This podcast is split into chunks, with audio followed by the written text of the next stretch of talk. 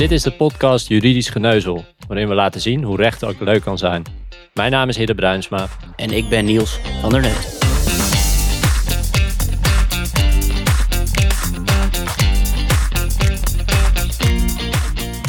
We zijn er weer, aflevering 6. En vandaag gaan we het hebben over een onderwerp wat ik eigenlijk tien jaar geleden wel had willen bespreken. Namelijk het concurrentiebeding. En eh, ja, vroeger tekende ik gewoon bij al mijn bijbaantjes maar de contracten en had ik geen idee wat erin stond. En toen uh, is het wel eens voorgekomen dat ik een tijdje niet uh, voor de concurrent heb kunnen werken. Dat heeft me toch wel wat geld gekost. Maar we gaan het natuurlijk uh, eerst weer hebben over een raar verhaal. Niels, wat heb je meegenomen? Ja, vaak proef je een sfeer dat een concurrentiebeding toch niet in stand blijft. En dat is een hele gevaarlijke gedachte. Zeker ook voor geldwolven zoals jij. Nou, in deze zaak is de werknemer gebonden aan een concurrentiebeding. En als hij dit beding overtreedt, is hij direct 2000 euro verschuldigd aan de werkgever, als ook 200 euro voor elke dag dat de overtreding na mededeling van de werkgever voortduurt. Nou, concurrentiebeding of niet, de werknemer stapt over naar een ander transportbedrijf, waarbij het heel duidelijk is dat dit een concurrent is. Hè? Twee bedrijven die dezelfde klanten bedienen op dezelfde markt. De werknemer blijft gewoon werken, ondanks het feit dat zijn voormalig werkgever hem heeft verzorgd de werkzaamheden direct te staken en ook gestaakt te houden. Deze zaak komt bij de rechter en die acht het concurrentiebeding geldig en vindt niet dat de werknemer hierdoor onbillijk wordt benadeeld. De werknemer werkt inmiddels ruim een jaar bij zijn nieuwe werkgever, dus je begrijpt hè, dat de hoogte van de boete aardig oploopt door die 200 euro voor elke dag dat de overtreding voortduurt. En de boete komt dan ook uit op een mooi bedrag van ruim 50.000 euro. Kantonrechter Rotterdam laat het concurrentiebeding in stand en gaat ook niet mee in het matigen van deze boete. Want, om even in de woorden te spreken van de kantonrechter, een boete moet je wel voelen, anders heeft het weinig zin deze aan een concurrentiebeding te verbinden. Op zijn Rotterdams, geen woorden, maar daden. Nou, ik denk dat hij hem wel gevoeld heeft, want het is geen mals bedrag. Ik ben benieuwd of hij het ooit heeft kunnen terugbetalen. En ik denk dan toch bij een concurrentiebeding inderdaad een afspraak dat je niet mag overstappen naar een concurrent.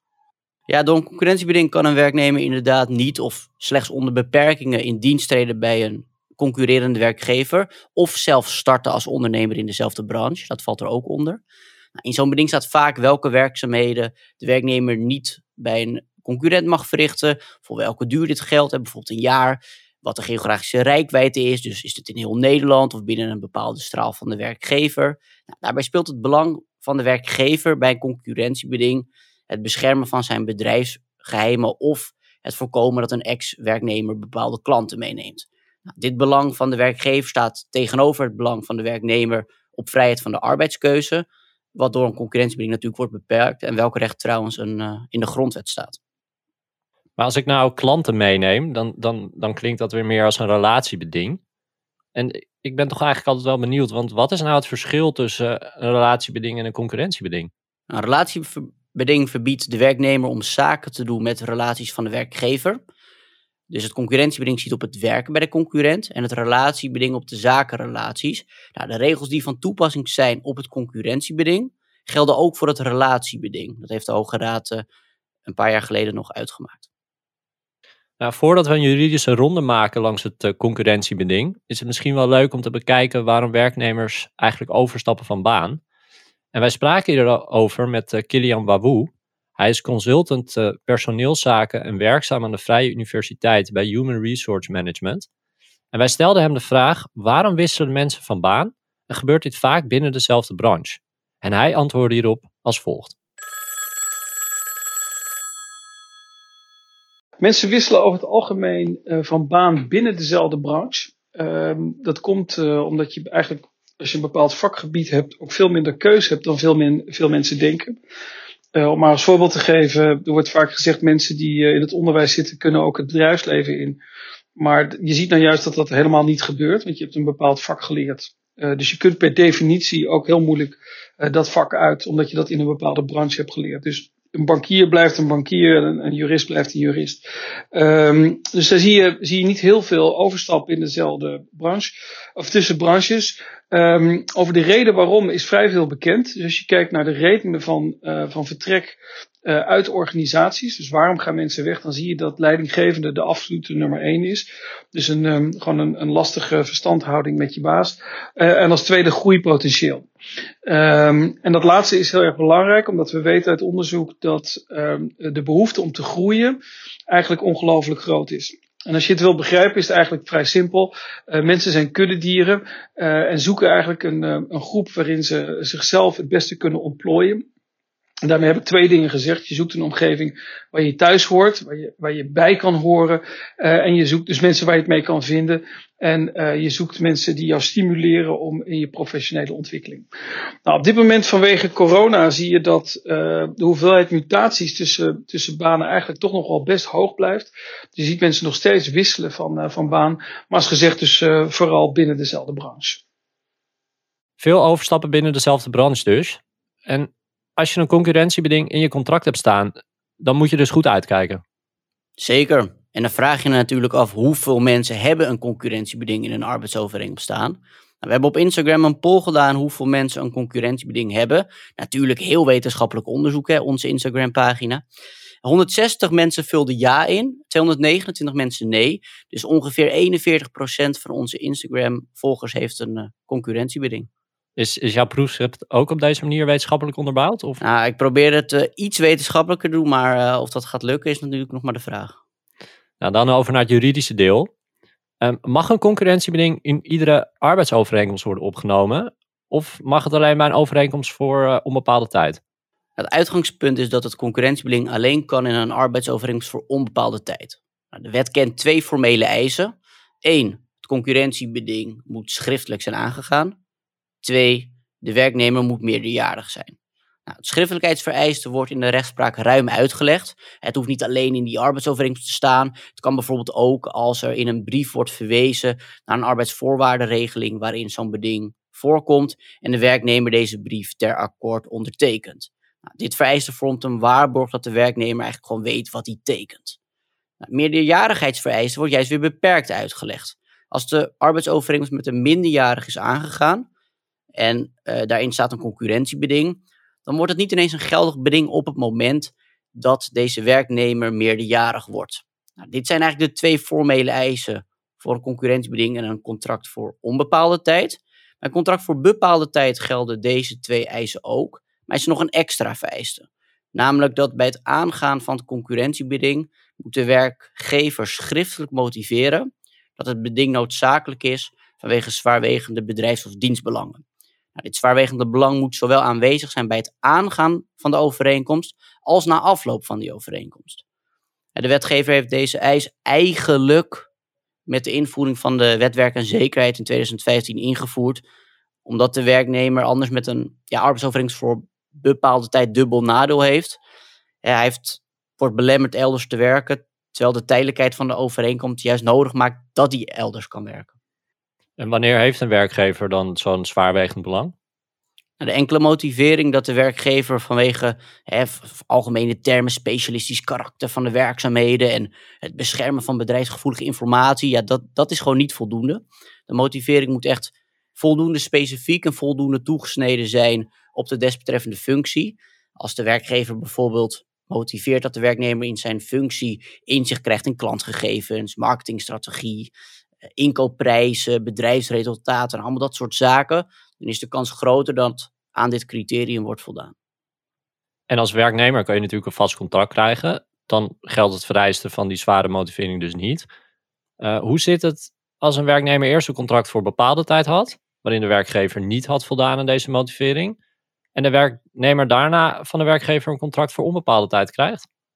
In de rechtspraak is uitgemaakt dat als in een arbeidsovereenkomst voor bepaalde tijd het zwaarwegende bedrijfs- of dienstbelang niet is gemotiveerd, er door omzetting van een contract voor bepaalde tijd in onbepaalde tijd niet ineens wordt voldaan aan dit vereiste. Dus ook in dat geval is er sprake van een niet geldig concurrentiebeding.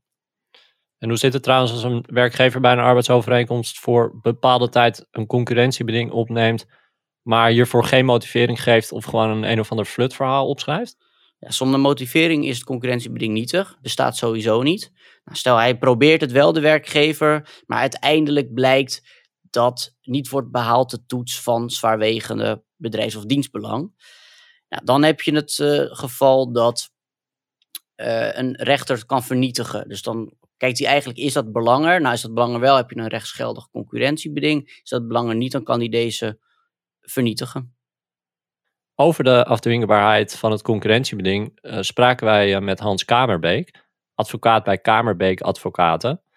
En wij stelden hem de vraag wat een werknemer kan doen als hij onder een concurrentiebeding wil uitkomen. En hij antwoordde hierop als volgt. meest voor de hand liggend is misschien wel om het gewoon bespreekbaar te maken met je huidige werkgever. Dus leg uit wat je wilt gaan doen, wat je plannen zijn. En misschien kun je in goed overleg wel afspraken maken over de door jou gewenste overstap.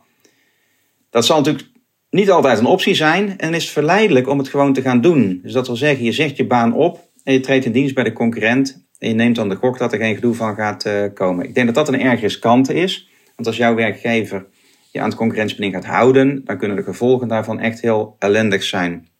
Mocht je dat toch doen, meld wel even aan je nieuwe werkgever dat je een concurrentiebeding hebt, want je wilt niet dat die nieuwe werkgever voor verrassingen komt te staan. Ik denk eigenlijk dat het veel beter is om het concurrentiebeding te respecteren. Dat wil zeggen, je zegt je baan op, je gaat een poos lang iets anders doen en daarna treed je pas in dienst bij de concurrent. Dan is de hamvraag natuurlijk wel ja, hoe lang moet je dan tussenuit? Hè? Hoe, hoe, hoe, groot moet die tussenpoos uh, zijn? Um, dat moet in ieder geval een redelijke periode zijn. Kijk, veel concurrentiebedingen die zijn veel te lang. Ik denk dat het ook echt in, in veel gevallen uh, echt niet die 12 maanden of 24 maanden hoeft te zijn die in een concurrentiebeding staat. Maar maak daar zes maanden van of drie maanden, al naar gelang de situatie. Als je nou meer zekerheid wilt hebben, wat je altijd kunt doen, is aan de kantonrechter vragen om ontheffing uit het concurrentiebeding. Want de, de kantonrechter die kan bepalen dat jij ondanks dat beding toch naar de concurrent mag, uh, mag gaan. En wat de kantonrechter dan doet, is die maakt een belangenafweging. En die kijkt dan onder andere naar, heeft jouw huidige werkgever belang bij handhaving van het concurrentiebeding?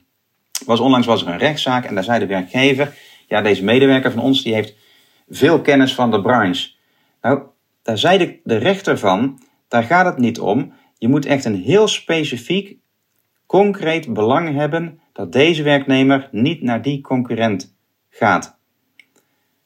Mocht je nou toch worden gehouden aan het concurrentiebeding, weet dan even dat jij aan jouw werkgever een vergoeding kunt vragen voor de duur waarvoor deze jou aan het concurrentiebeding houdt. Als jij namelijk ernstig belemmerd wordt om naar een concurrent te gaan of in al je mogelijkheden elders, dan kan jouw werkgever worden verplicht om jou een vergoeding te betalen voor de duur waarvoor jij aan dat concurrentiebeding wordt gehouden.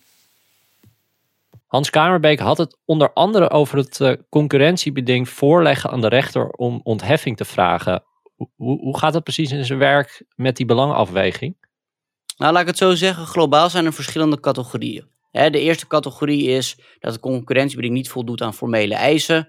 Beding is nietig. De tweede categorie is dat de concurrentiebeding wel wordt gemotiveerd in de arbeidsovereenkomst voor bepaalde tijd, maar onvoldoende is gemotiveerd of niet zwaarwegend en dan is dat beding vernietigbaar. Nou, waar Hans Kamerbeek het ook over had, is een derde categorie. Het concurrentiebeding voldoet aan de formele eisen, hè, dus die twee eisen bij onbepaalde tijd en extra eis bij bepaalde tijd, als uh, het beding zwaarwegend uh, bedrijfs- of dienstbelang is en voldoende gemotiveerd is. Nou, als dat zo is, kan de werknemer verzoeken het beding te vernietigen omdat hij onbillijk wordt benadeeld. Nou, dan vindt er zo'n belangenafweging plaats of dat wel of niet zo is. Nou, de rechter kijkt naar de eventuele positieverbetering van de werknemer, de lengte van het dienstverband, uh, het belang van de werkgever op het beschermen van zijn bedrijfsdebiet, wie heeft het initiatief genomen ja, tot het einde van het dienstverband. Nou, ga zo maar door. Dus eigenlijk allemaal feiten en omstandigheden. En als deze belangenafweging meebrengt dat de werknemer vrijwel geen hinder van het concurrentiebeding ondervindt, of het belang van de werkgever weegt gewoon zwaarder, dan blijft het concurrentiebeding waarschijnlijk in zijn geheel bestaan. Maar het is natuurlijk ook mogelijk dat de werknemer geen concurrentiegevaar voor de werkgever oplevert, of dat uit die belangenafweging volgt dat de werknemer onbillijk wordt benadeeld. De rechter kan in dat geval het concurrentiebeding geheel of gedeeltelijk vernietigen. En met gedeeltelijk vernietigen kun je denken aan bijvoorbeeld de duur beperken, van twee jaar naar bijvoorbeeld zes maanden. de geografische rijkwijde van heel Nederland beperkt tot een bepaalde stad, of bijvoorbeeld de boetematige. En het gebeurt natuurlijk vaak dat mensen promotie maken of binnen hetzelfde bedrijf een andere functie krijgen. Wat gebeurt er in die situatie met het concurrentiebeding? Vervalt het beding dan? Ja, het kan dat het concurrentiebeding dan niet meer geldig is. Uh, in dat geval moet er een dubbele toets plaatsvinden. Namelijk enerzijds of een ingrijpende wijziging van de arbeidsverhouding die niet redelijkerwijs was te voorzien bij het aangaan van het beding, of daar sprake van is. En anderzijds of het concurrentiebeding door de promotie of de functiewijziging zwaarder is gaan drukken. In, in de rechtspraak is bijvoorbeeld wel aangenomen dat de carrière van een monteur tot verkoper binnendienst sprake was van zwaarder drukkende concurrentiebeding. En hetzelfde gold voor een magazijnmedewerker die was opgeklommen tot accountmanager. Dus wat je eigenlijk ziet is, als iemand doorgroeit van een uitvoerende naar een leidinggevende functie, of van een uitvoerende naar een meer commerciële functie, dat het dan zwaarder kan gaan drukken. En als het zwaarder gaat drukken, dan leidt dit tot ja, nietigheid of van het gehele beding of van het deel dat ziet op de gewijzigde situatie. En in aflevering 3 hebben we het gehad over ontslag. En dat is dan toch een beetje de andere kant van de medaille. Want stel je gaat niet zelf weg, maar je wordt ontslagen. Vervalt daarmee het concurrentiebeding? Kan ik dan gewoon de week daarna lekker bij de concurrent aan de slag? Nee, nee, dat is enkel zoals de werkgever ernstig verwijtbaar heeft gehandeld of nagelaten, maar dat is echt een uitzondering. Maar in principe blijft het concurrentiebeding op dezelfde wijze gelden, ongeacht of de werknemer uit zichzelf weggaat of ontslagen is. Wel is het zo dat de werknemer in aanmerking kan komen voor een vergoeding indien hij door de werkgever aan zijn concurrentiebeding wordt gehouden. En het ligt eerder voor de hand dat de werknemer voor zijn vergoeding, zo'n vergoeding zeg maar, in aanmerking komt als hij is ontslagen dan als hij zelf is weggegaan. Al is dit theoretisch in, eh, in beide gevallen mogelijk. En we hebben het nu uh, de hele tijd gehad over reguliere werknemers. Maar ik las afgelopen week dat uitzendwerk weer enorm aantrekt. En het is uh, bezig aan een sterke opmars. Hoe, hoe zit het met uitzendkrachten en concurrentiebedingen? Een uitzendbureau mag de uitzendkracht niet belemmeren om als werknemer aan de slag te gaan bij de opdrachtgever die hem inleent. Dit wordt het belemmeringsverbod genoemd. En als dit wel gebeurt, is zo'n concurrentiebeding nietig. Nou, een voorbeeld, uitzendbureau Randstad stelt een uitzendkracht ter beschikking aan bouwbedrijf X. Dan mag het uitzendbureau op geen enkele wijze de uitzendkracht verhinderen om na afloop van die ter beschikkingstelling in dienstentreding bij dat bouwbedrijf X. Nou, het enige dat in dat kader is toegestaan, is dat het uitzendbureau een vergoeding in rekening brengt voor verleende diensten bij de opdrachtgever, de inlener, dus in mijn voorbeeld bouwbedrijf X. En een tijdje geleden ontving ik een uh, overeenkomst uh, als ZZP'er voor, voor een, van een opdrachtgever. Daar stond best wel een brede concurrentieclausule in. Toen had ik zoiets van, ja, dat, dat vind ik niks, dat wil ik niet. Maar hoe zit dat met ZZP'ers? Kunnen die überhaupt gebonden zijn aan een concurrentiebeding? Ja, alles wat je afspreekt uh, geldt in principe. Hè. De regels die we tot nu toe hebben besproken zien op de werknemer. En bij een ZZP'er is het zo dat er een veel grotere mate van contractvrijheid is. Dus ja, op het moment dat je dat afspreekt, geldt het.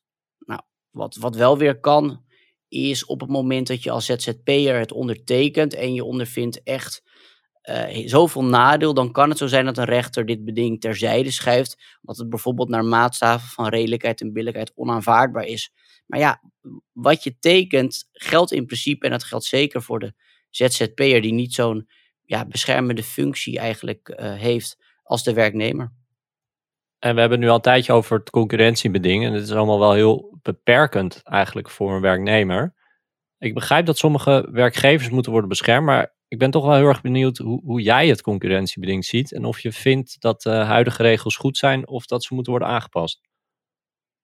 Ja, het fenomeen concurrentiebeding snap ik volkomen. Maar ik zou de toets dat de werkgever moet motiveren dat sprake is van een zwaarwegend bedrijfs- of dienstbelang, ook voor de arbeidsovereenkomst voor onbepaalde tijd graag terugzien als wettelijk vereiste.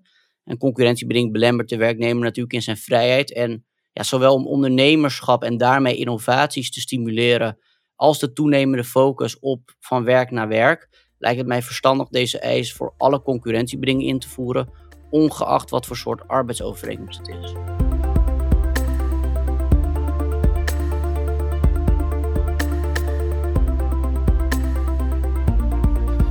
En dan nu nog even graag aandacht voor.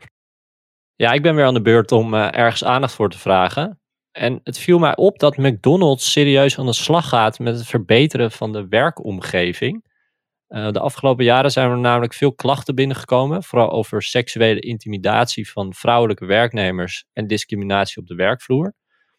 En McDonald's gaat nu eindelijk de logische en nodige stappen ondernemen om dit te verbeteren. En alle werknemers gaan opleidingen volgen om intimidatie, discriminatie en geweld te vermijden. En daar wilde ik aandacht voor vragen, want dat lijkt me wel iets wat ieder bedrijf kan doen om de arbeidsomstandigheden te verbeteren. En dan rest ons nog uh, twee dingen, namelijk een tip van de aflevering. En jawel, we hebben deze keer een luistervraag. Maar Niels, wat is je tip? Ja, Hans Kamerbeek heeft natuurlijk in feite al tips voor werknemers gegeven. Dus ik zou dit keer een tip aan de werkgever willen geven. En ja, niet één, maar eigenlijk ik er twee geven. Veel concurrentiebedingen zijn nogal ruim geformuleerd en dat raad ik niet aan. De kans op een gehele of gedeeltelijke vernietiging neemt daardoor toe. Schrijf het concurrentiebeding gewoon op in normale taal. Geef duidelijk aan wat wel en niet mag, voor welke duur, welk geografisch bereik. Hoe, hoe, hoe duidelijker, hoe eerder het tot stand komt. Nou, mijn tweede tip is dat als je als werkgever op de hoogte bent van het feit dat een werknemer het concurrentiebeding overtreedt en je accepteert het niet, laat de werknemer dit dan meteen weten. In de rechtspraak is al meerdere malen geoordeeld dat het feit dat de werkgever niet snel in actie kwam, meebracht dat de werknemer erop mocht vertrouwen dat het concurrentiebeding niet in de weg zou staan aan het verrichten van werkzaamheden bij de concurrent. En dan een luistervraag, die is deze keer van Marloes. En die, die heeft ons gemaild met de vraag: In mijn arbeidsovereenkomst heb ik een concurrentiebeding staan. Ik heb ook een proeftijd. Geldt het concurrentiebeding ook als ik opzeg tijdens mijn proeftijd? Nou, bij de wet arbeidsmarkt in balans was voorgesteld de eis van zwaarwegend bedrijfs- of dienstbelang ook in te voeren voor een proeftijdontslag. Hè, zowel of je zelf ontslag neemt of dat uh, de werkgever daar een beroep op doet. Het voorstel dat de maximale proeftijd met de wet arbeidsmarkt in balans werd verlengd tot zes maanden, werd geschrapt. En daarmee werd ook dit voorstel geschrapt. Dus bij een arbeidsovereenkomst voor bepaalde tijd geldt deze eis natuurlijk nog wel. Maar als het gaat om een proeftijdontslag bij een arbeidsovereenkomst voor onbepaalde tijd, kan de werknemer ja, naar de rechter gaan om het concurrentiebeding geheel of gedeeltelijk te laten vernietigen. Want dan gelden enkel die twee eisen van schriftelijkheid en uh, meerderjarigheid. En dan kan een rechter natuurlijk kijken naar de belangenafweging. ja, de kans dat een rechter bij een proeftijdontslag meegaat met een concurrentiebeding, lijkt mij best klein. Hè? Een werknemer is korte tijd in dienst, weet waarschijnlijk nog weinig van bedrijfsgevoelige informatie. Een proeftijd kan in Nederland namelijk maar voor één of twee maanden worden aangegaan. Dus hij geldt in principe wel, maar hiervoor geldt dat, dat rechters vaak hem wel aan de kant zullen schuiven. Daarmee zijn we tot het einde van deze aflevering gekomen. En ik wil graag uh, Kilian en Hans Kamerbeek bedanken voor het inbellen. Jij bedankt voor het luisteren. En vergeet niet te abonneren. En hopelijk tot de volgende keer.